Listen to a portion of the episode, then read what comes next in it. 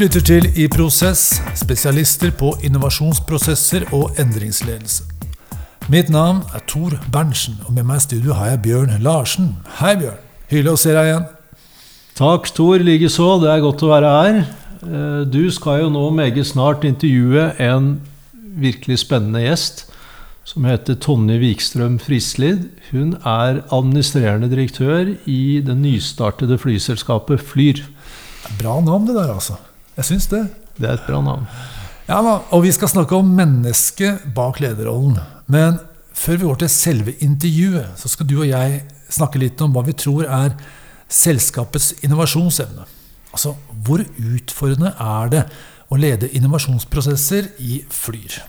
Ja, Vi reflekterer da på en skala fra én til ti, hvor én betyr at det er normalt utfordrende å innovere selskapet, og ti betyr at det er spesielt utfordrende.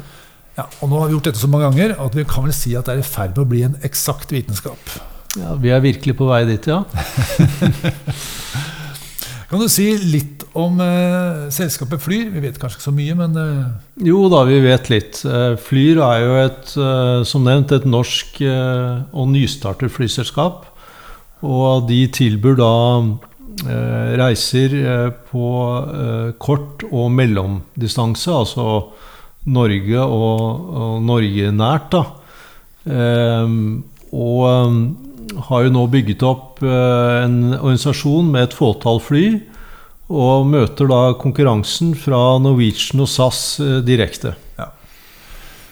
Hvor stort vil du si eller anta at det selskapet er?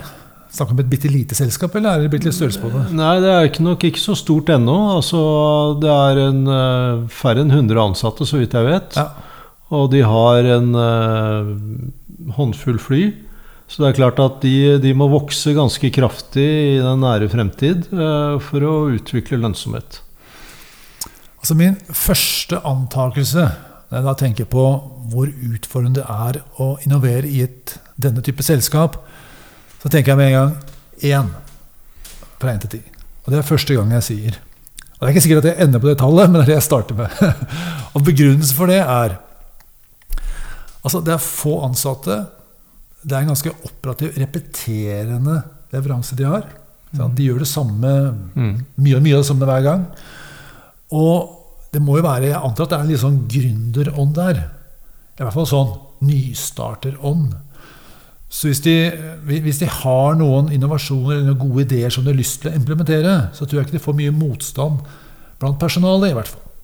Det kan være et, et perspektiv på at det er normalt eller lett å gjennomføre innovasjoner der. Eller ut. Eh, ja, hva tenker du? Ja, ja, altså jeg følger uh, refleksjonen din, og jeg tror helt sikkert at dette er et selskap uh, som er hvor de ansatte beveger seg hurtig. Ja. De har nok en veldig sense of urgency for å levere. De har nok den gründergnisten du, du, snakker om. Så det tror jeg. Jeg tror likevel jeg syns allikevel du legger deg langt ned på skalaen. For det, ja, det var helt i bånn. Helt i bånn. Og det, for det vi også må se på, er jo eh, hvordan det er å operere et flyselskap i en veldig konkurranseintensivt marked så, som det norske. Og for øvrig eh, også utenfor det norske markedet. Og, og det skal jo håndteres eh, når det gjelder å, å ha en innovasjonsagenda. Ja.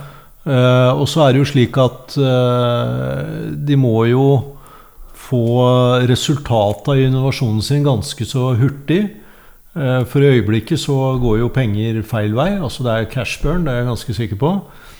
Og investorer vil nok gjerne se at det kommer lønnsomhet så stort som mulig. Så det å prøve å feile i lang tid, det er nok ikke et alternativ her. Nei. Så jeg, jeg, må si at jeg legger meg et godt stykke opp på skalaen i forhold til én, så seks kan være et tall fra min side. Ja. ja ikke sant? Så hvis de har en, en, eh, innovasjon som de brenner for, og som jeg er ganske sikker på, eller helt sikker på at de vil tjene penger på på kort sikt, da kan det gå raskt, for det er ikke noe friksjon. Men som du sier, hvis det er mer prøving og feiling, det er litt mer utfordrende å teste det ut i markedet, det kan mm. gå lang tid før de tjener penger, da er det et helt annet eh, scenario. Så jeg ser vinduet der for hvilke innovasjoner de kan, kan tillate seg å bruke, da, det er da ganske lite. Ja, I hvert fall i en tidlig fase. Jeg tror de må, veldig fort må opp på et gitt volum før de kan tillate seg noe særlig eksperimentering. Ja. Eh, sånn at i hvert fall den situasjonen de er i nå, så er jo det å stoppe cashburn eh, og innenfor det strategien de har valgt, da, bygge et kundevolum så fort som mulig. Nå blir de jo hjulpet av et marked, altså post koronamarked. Eh, men det hjelper jo også konkurrentene deres. Eh, men det er klart at eh, det, det blir jo flere flyreiser fremover hele tiden nå. Så det gjelder da å greie også å ta markedsandeler innenfor for det segmentet de ønsker å betjene. Ja. Jeg lurer på i flybransjen Nå er jeg absolutt ingen ekspert, så jeg driver bare og spekulerer akkurat nå. Da.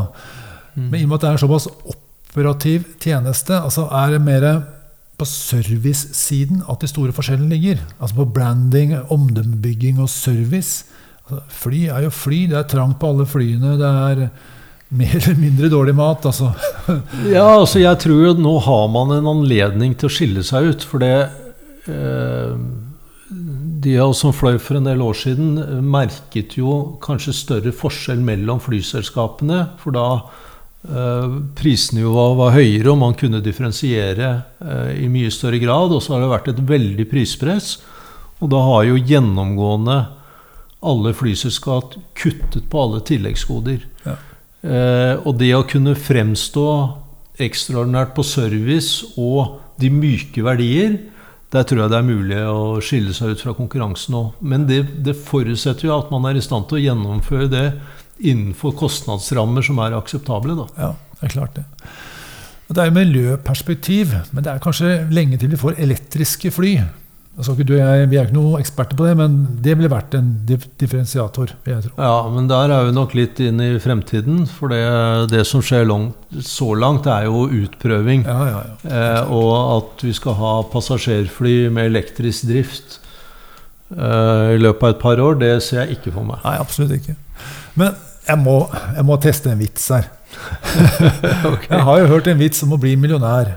Og da, er, da starter du som milliardær, og så starter du flyselskap etterpå. er det noe i den vitsen? Altså sånn, eh, er dette et uh, vinn eller forsvinn eller et uh, scenario? Ja, jeg tror faktisk det er ganske mye i det. For det er litt vinn eller forsvinn. Sånn at hvis ikke Flyr greier å bygge volum ganske hurtig, så vil de jo leve med en cashburn. Ja. Som, og det er det ingen investorer som liker over tid. Så det er klart at det vil stresse investorsiden uh, mer enn det som er komfortabelt.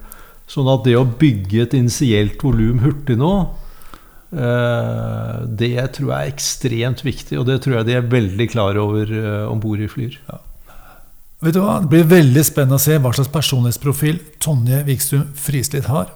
For dette selskapet her, de må bare gjøre alt riktig første gangen. Det er jeg helt enig i. Vi gir dem tallet seks.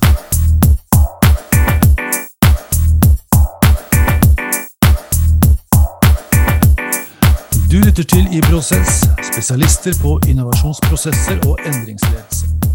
I dag skal vi snakke med Tonje Vikstrøm Frislid, administrerende direktør i Flyr, og mennesket bak lederrollen. Velkommen, Tonje. Takk for det. Du, vi har hatt en liten eh, refleksjon internt i prosess om eh, hvor, hvor, vanskelig det er å innovere i Flyr. Jeg tror vi ga dere seks poeng. Eh, er vi inne på noe, eller bommer vi fullstendig? Ja, Det kommer litt an på hva man sammenligner med, tenker jeg. Jeg syns jo det var konservativt. Innenfor vår bransje så mener jeg jo absolutt at, vi, at det er en av våre styrker. Og ja. med det der å kunne bygge nytt og, og fresh, så, så, skal det jo være det. Vi, det er jo det vi satser på, blant annet. Ja. Det, hos dere skjer det mye om dagen? Ja, det er nok å holde på med, så det syns vi er morsomt. Det er en uh, gjeng som liker å starte opp et nytt selskap, så det passer oss bra. Før vi går videre, vil jeg si litt om bakgrunnen for denne podkasten. Psykolog Daniel Kahneman fikk nobelpris i økonomi i 2002. Med sin forskning utfordret han modellen som er hele grunnlaget for samfunnsøkonomenes analyser. at vi mennesker tar rasjonelle valg for å maksimere egeninteresser. Men dette er ikke bare grunnlaget for samfunnsøkonomenes analyser. Dette er grunnlaget for din og min analyse.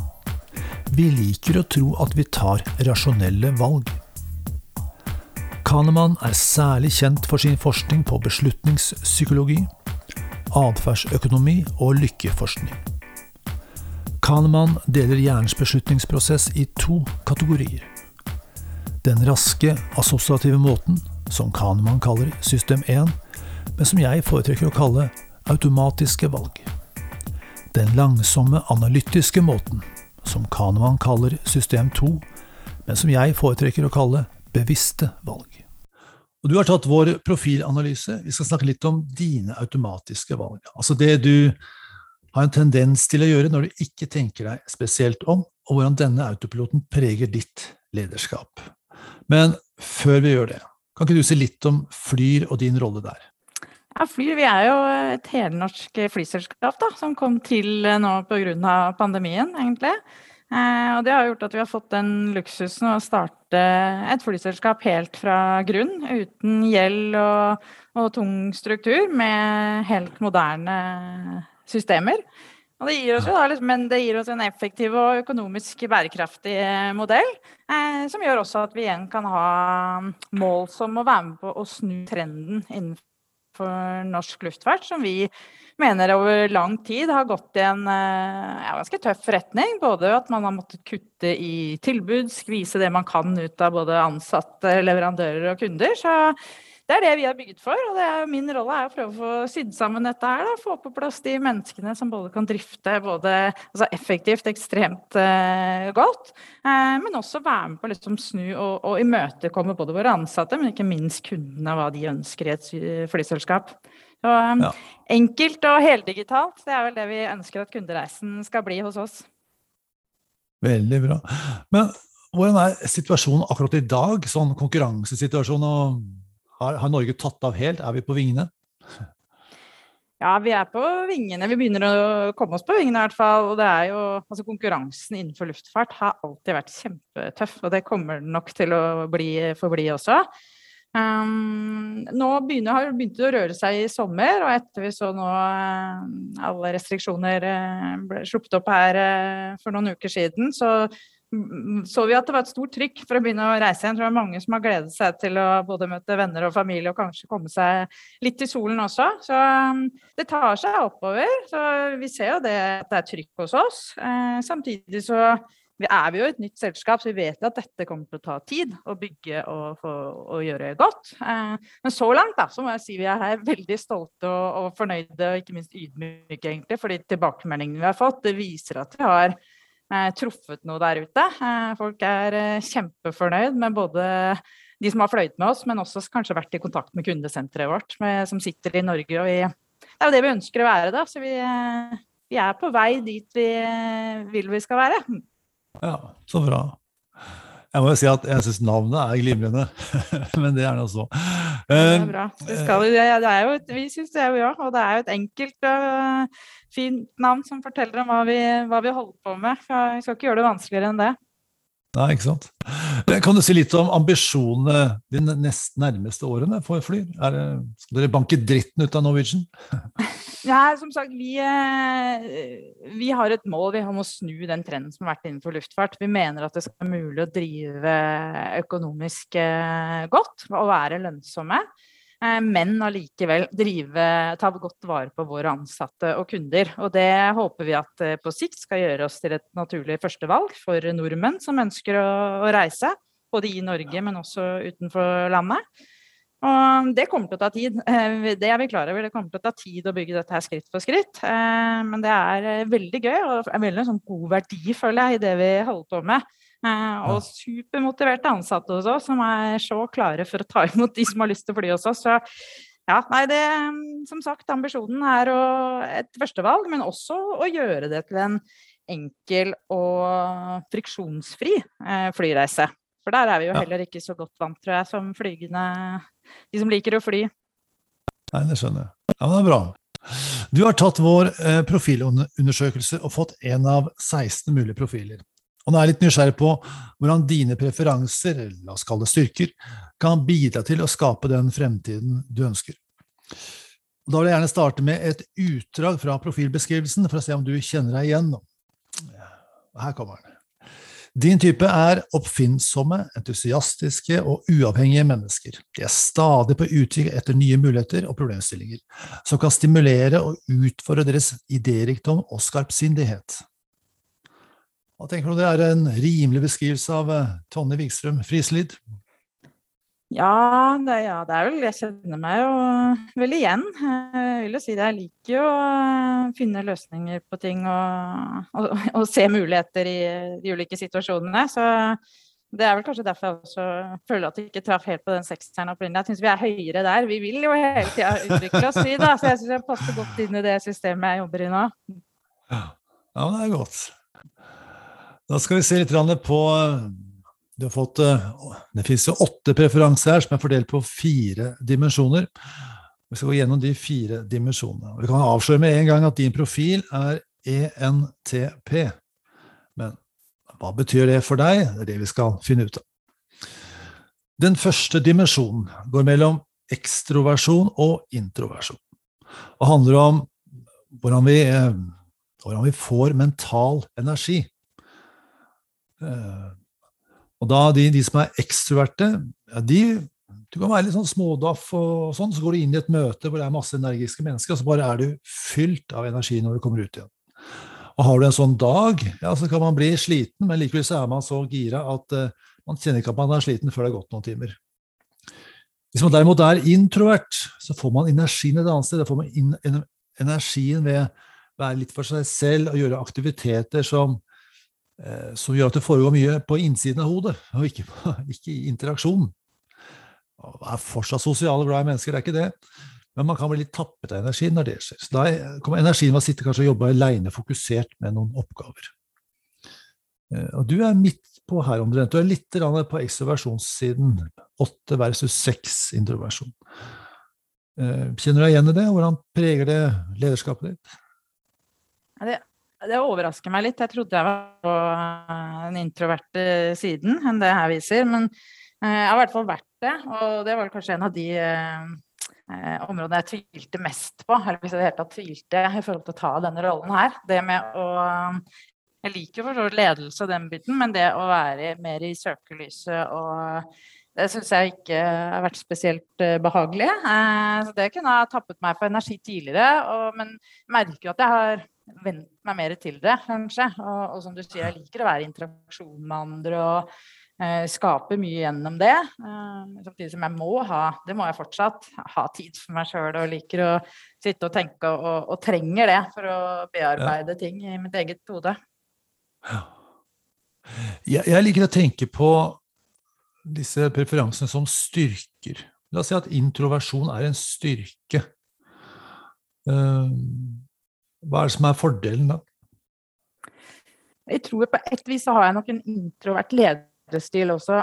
Jeg kan, altså jeg ytrer meninger og, og har ikke noe, noe særlig problem med det, men jeg tror også det kan være um, at jeg liker å være litt tilbakeholden da, og, og observere og få med meg, og, og, gjerne at andre går foran når det er eh, nødvendig, men selvfølgelig ikke når det, når det brenner. Da skal jeg, det, det tar jeg godt imot selv.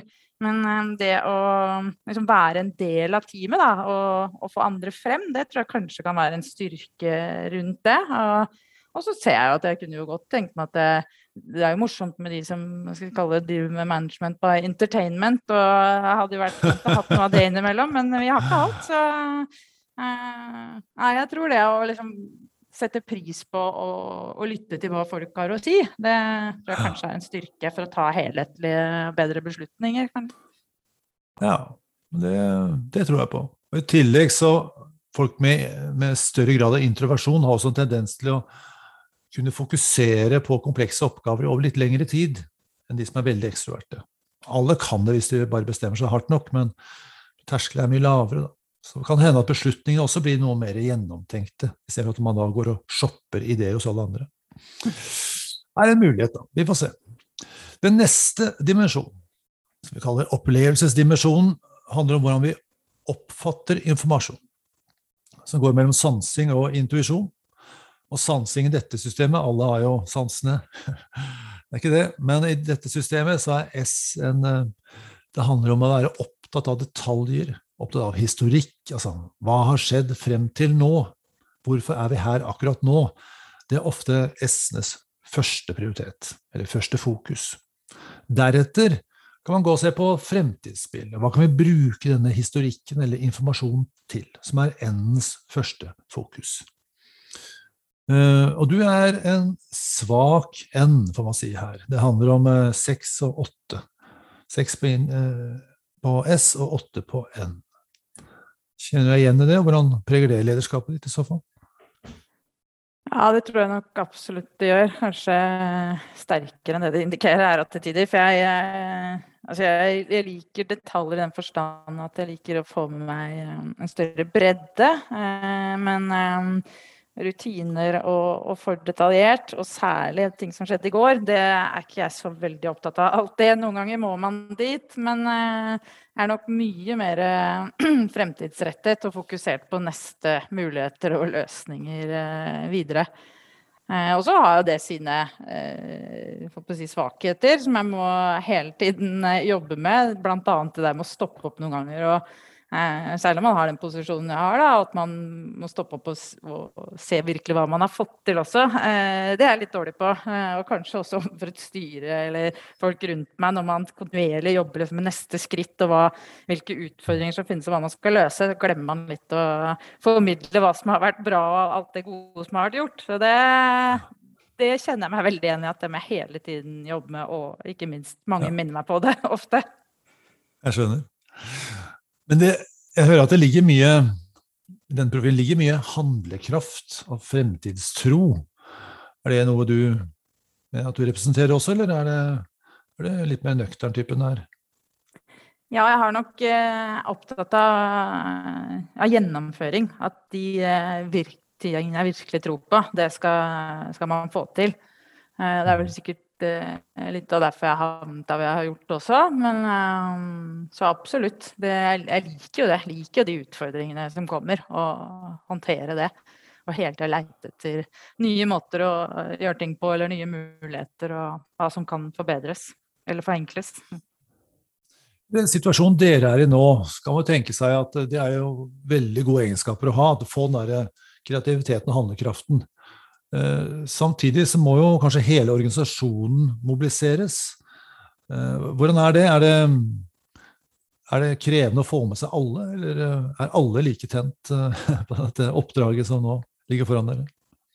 Ja, det er delt. Altså, alle kan jo ikke være sånn. Det ville jo blitt helt og spesielt ikke innenfor den bransjen vi er i. For den er jo, som nevnt innledningsvis, den er jo tradisjonell og ekstremt gjennomregulert, og det må den jo være. Så du må jo ha si, de som virkelig eh, eh, står i det operasjonelle, gjør det drivende godt, de rutinene på plass. Altså, holder i det. Ja. alle kan ikke være som meg. Det hadde ikke vært noe bra. Eh, så vi er nok en god miks, og det har vi vært heldige nå, da. Å kunne plukke på øverste hylle de man ønsker for å få til den miksen hos oss. Både det å få på plass stabiliteten skal drives ekstremt sikkert, ekstremt effektivt, og maskineriet skal på plass. Og de som, eh, som liker å se liksom, hvordan kan vi tune dette her til nye muligheter og nye måter å gjøre ting på. vi er nok mange, mange som kan begge deler, tror jeg. Eller ulike mennesker. Da, som har, vi har de ulike typene også, så det må vi ha i et flyselskap. Ja, klart det. Den tredje dimensjonen kaller vi avgjørelsesdimensjon. Så handler det om hvordan vi vurderer og beslutter. Den ene preferansen er tenkning, T. Alle tenker, så det er sånn det er. Og det andre er følelse. Man føler. F. Og tenking er logisk, rasjonell. altså Beslutningen er en slags ligning, nesten et mattestykke som bare regnes ut, og så ligger svaret foran oss. Mens eh, F er mer, kalles ofte emosjonell rasjonell, altså det er ikke følgerier og sånne ting. Men uh, der er det mer du kjenner hva som er riktig, og så må du sjekke det med fakta etterpå. da. Bare for å ta et eksempel på det. Jeg så et studie ved noen psykologer som hadde jobba med sånn eh, ekteskapsrådgivning. Og så var de i et sånt politivindu som du kan se gjennom. Og så sitter de bare og ser på paret som sitter og, og venter på å gå inn til rådgivning. og de får se dem i tre sekunder. Og så er oppdraget Er de sammen om tre år eller ikke? Tommel opp eller tommel ned? Tre sekunder, ut. Og de, de traff altså med 80% presisjon. Og det er klart, det er ganske imponerende. Men ingen kan forklare altså du, hvorfor ga du tommel opp eller ned. Nei, det har de ikke peiling på. Så det er ikke tull, da, men det er FN. Selv om det er, eh, det er kanskje ikke nok å bare si du, jeg skal satse 100 millioner på dette. Ja, hvorfor det? Jo, det føles riktig. det er det ikke. Men du har dimensjonen, eller du har preferansen T, ganske tydelig og klar her, da. Er det 12 versus 2, så det er jo nesten topp score. Hvordan er det det preger dine beslutninger? Ja, det er, kanskje det henger vel ikke sammen med at jeg ikke er så glad i detaljer. Men jeg er veldig opptatt av fakta og vitenskapen og jeg eh, baserer det meste på det. Og jeg er jo nysgjerrig, så jeg liker jo å liksom få med meg eh, mye da, og lese meg opp på ting eller som sagt snakke med meg for å få bredden. Så det er jeg veldig opptatt av. Eh, så ja, jeg kjenner meg godt igjen på det, altså. Jeg skal ha hele bildet før vi eh, tar en beslutning. Og så har jeg nok blitt litt mer nå stole på den gut feelingen, fordi det ligger nok noe faktabasert bak der. Eh, det er nok blitt raskere på de beslutningene nå enn jeg var før. I hvert fall når jeg er usikker. Og så er jeg så glad i å lese meg på ting. Og vi, vi, det man kan eh, godt, da, det er nok raskere på å ta Jeg er utålmodig. Så, men absolutt, jeg er veldig sånn faktabasert i det jeg holder på med. Liker analyse og liker, liker, å få hele grunnlaget presentert. Ja. I, i den bransjen dere er nå, er det, er det stort handlingsrom for å gjøre si, nye ting, eller for å gjøre ting som Du nevnte i stad at det var eh, tradisjonelt, og det er jo kanskje litt tradisjonelt fordi det er så gjennomregulert, men opplever at handlingsrommet er stort fortsatt? Ja, det kommer jo litt an på hva man si, er, Du skal jo opp i de nesten samme flyene, og jo, så mye er jo eh, tar tid å utvikle, og også da, teknologi rundt si, type fly. Og mye er det treghet i, og det skal være, skal være det. Fordi det er jo mm. safety blant annet, det er liksom first i alt her. Um, ja. Men når det gjelder uh, Og så er det, det er tradisjonelt. Så selv om vi har et ønske om å være på nye digitale plattformer og få til mye ting, så er ikke kanskje hele omverdenen um, på samme lest der. Men vi ser jo det. Man er tvunget dit, så det kommer jo dit. Og så der mener jeg vi har en kjempefordel at vi er tilrettelagt for det. Eh, ja. Og vi merker det også nå i forhold til hvordan vi har, hva slags dialog vi har med de kundene som henvender seg til oss. Det er mye tettere, og vi er jo helt opp liksom på, på, alle nivå i selskapet er man opptatt av det. Hva kan vi gjøre? Eh, hva kan vi endre for, etter hva kundene ønsker? Eh, det det er innrømme at vi er veldig tett på, og ikke minst våre ansatte. Vi er en forholdsvis liten organisasjon. Vi er en flat organisasjon, få i ledelsen som gjør at vi kan være tett på. Da kan det også endre mye, ting mye raskere, og det tror jeg vi er helt avhengig av eh, i fremtiden. Ja. Uh, men så er det jo en treghet i selve systemet innenfor luftfart da, som ja. det, vi ikke er alene om å måtte påvirke. Nei, det er klart. Jeg tenker kanskje at det er en styrke å ha en, en logisk, rasjonell profil i et slikt miljø. Både fordi det er kanskje en kultur som er veldig sånn fakta- og systembasert, eh, men også fordi at Eh, en F-beslutning kan jo være grensesprengende noen ganger, og det er ikke det er kanskje ikke den type handlingsrom hos dere i den bransjen. Du kan kanskje velge farge på flyet, men du kan liksom ikke endre på sikkerhetsregler eller, eller rutiner. Det er mange avhengigheter her som dere må forholde dere til. Det er det. Og så er det jo mye tradisjon, så mye av dette kan jo også endres. Ja, okay. så jeg, der føler jeg kanskje at jeg er en F. Jeg er nok en pådriver for mye av, ja. endringer og kan godt drive både kollegaer og samarbeidspartnere. Um, uh, ikke til vanvidd, kanskje, men uh, litt sånn ampert. De sånn små ja, nei, nei, det kan du nok bli, men uh, ja. ja, det er spennende. Det får vi sikkert snakke mer på neste dimensjon, for der kommer denne egenskapen frem. Det er det vi kaller livsstilsdimensjon, hvordan vi foretrekker å innrette oss i livet. Men det er ganske stort perspektiv, så la meg gjøre det litt enklere. Altså, J-ene det handler om er J og P som er, som er preferansen her, og J er avgjørelse. La oss ikke rippe bort i hvorfor det er J og ikke A. Og så er det opplevelse som er P.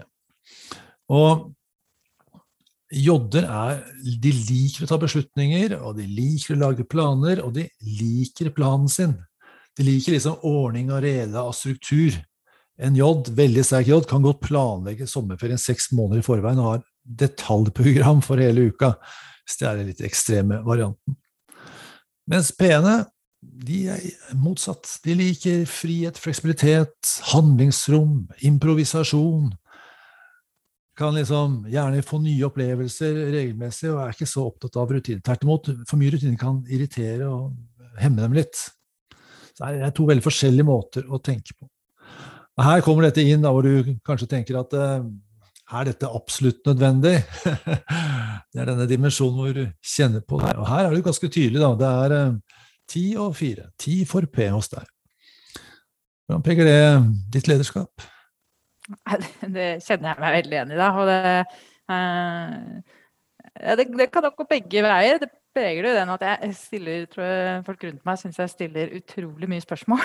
og det kan være litt slitsomt. Og noen ganger kan de sikkert lure på om jeg stiller ledende spørsmål, men det er oppriktig for å uh, hele tiden bore i hva vi kan gjøre annerledes. Um, og det tror jeg er fryktelig frustrerende for mange. Uh, og så er det nok uh, Det er jo en nødvendighet, tror jeg. da. Vi skal, hvis verden skal gå fremover, vi skal få utvikling, så må man det. Så jeg tror også innenfor min bransje så er det helt nødvendig.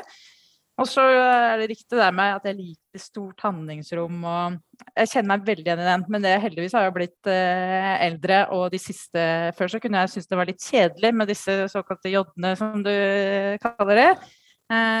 Men nå elsker jeg dem jo. Altså, jeg setter jo så pris på de som har den der steinharde strukturen. Jeg er helt avhengig, eh, avhengig av de eh, som samarbeidspartnere. så Nei, jeg kjenner meg igjen i det absolutt, men jeg ser virkelig nytten av å være strukturert og like, eh, like gode planer òg. Ja. Jeg syns det er spennende med en toppleder med den profilen i denne bransjen, for jeg har vært, jobbet litt i Avinor tidligere, så jeg kjenner litt til skal vi si, flybransjen. Da, og, og vet jo hvor viktig det er å ha den ordning og reda på ting. Um, men skal vi ha framdrift, så må man jo utfordre det litt. Selvfølgelig alltid innenfor sikkerhetens rammer, men det er et, sikkert et handlingsrom der som ikke er tatt helt ut, vil jeg tro. da. Og det er der spørsmålene dine ligger, tenker jeg. for å ja, det. Nei, det tror jeg absolutt. Det. Jeg tror det er masse å gå på, og så skal man gjøre det skritt for skritt. Vi skal ikke haste oss ut i noe, men uh, det er mye som kan gjøres innenfor denne bransjen òg, ja. Ja. Hvor er du mer sånn privat da, når du skal på ferie? Er det sånn at du bare plutselig hiver deg på en tur, og så er det tut og kjør, eller er det litt mer planlagt? Det varierer. Jeg, jeg, liker begge deler. Jeg er veldig sånn, Sommerferien er veldig viktig for meg og familien. for vi, den planlegger vi i god tid. og Da er vi nøye på hvor vi havner og hva slags hotell og hva slags sted. Og, og så liker jeg veldig godt overraskelser. Da. Jeg liker jo litt Jeg har jo en gjeng som reiser på Eh, har sånne hva kaller det, blåturer, hvor de, hvor de gjerne er litt eh, Ikke bare en storbyferie, men hvor det er litt uh, mer actionpreget element i det. Så jeg er veldig liker lek, da. Jeg liker jo det. At ting ikke Jeg liker det litt uforutsette også. Man skal ja. pirres litt. Mm. Spennende. Du, jeg har jo ofte hektiske hverdager alle sammen, og spesielt kanskje ledere som jobber på ditt nivå. Hva gjør du for å unngå å havne i automatisk modus, eller liksom for å roe ting ned og ta kloke, bevisste valg, og kanskje bruke alle preferansene, ikke bare de som kommer naturlig? Ja, Det er noe med å være bevisst hvordan man er òg. Eh, og det har jeg nok jobbet mye med, ikke tidligere i livet, men etter hvert som jeg har fått eh, og det har jo ikke vært bevisst, egentlig, de ulike lederstillingene jeg har fått etter hvert, og hvordan jeg har beveget meg inn. Men, men, det der å bli kjent med seg selv, det er kanskje det viktigste jeg har gjort uh, for min egen del og folk rundt. Og det der å virkelig liksom sette sammen team som kan utfylle hverandre, da. Uh, så når jeg jager videre og haster av gårde, så uh, det viktigste jeg gjør, egentlig, er å få på plass noen som kan sette den strukturen og, og holde litt igjen, da. Så det er å balansere hverandre, det ja, er vel det personlig, så liker jeg jo Trenger jeg tid aleine noen ganger? Få tenkt en ting, gå, gå, en tur alene, få liksom tankene til å ja. eh, surre litt rundt, og så faller de ofte på plass eh, mot slutten av turen eller underveis. Så ja. en god miks av Jeg er avhengig av andre. Jeg tror ingen får til noe sjøl, og veldig bevisst rundt det. At det er viktig å ha flinke folk rundt seg som kan andre ting. Men også få helt uh, ro og fred med egne tanker. Ja. Det høres veldig bra ut. Da sier jeg tusen takk for samtalen. Takk for at du ville ha meg.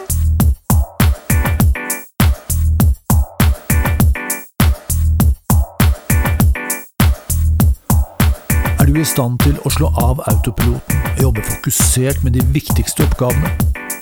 Eller blir du fanget av hverdagens umettelige krav og tar automatiske valg? Og hvordan vet du hva som er forskjellen?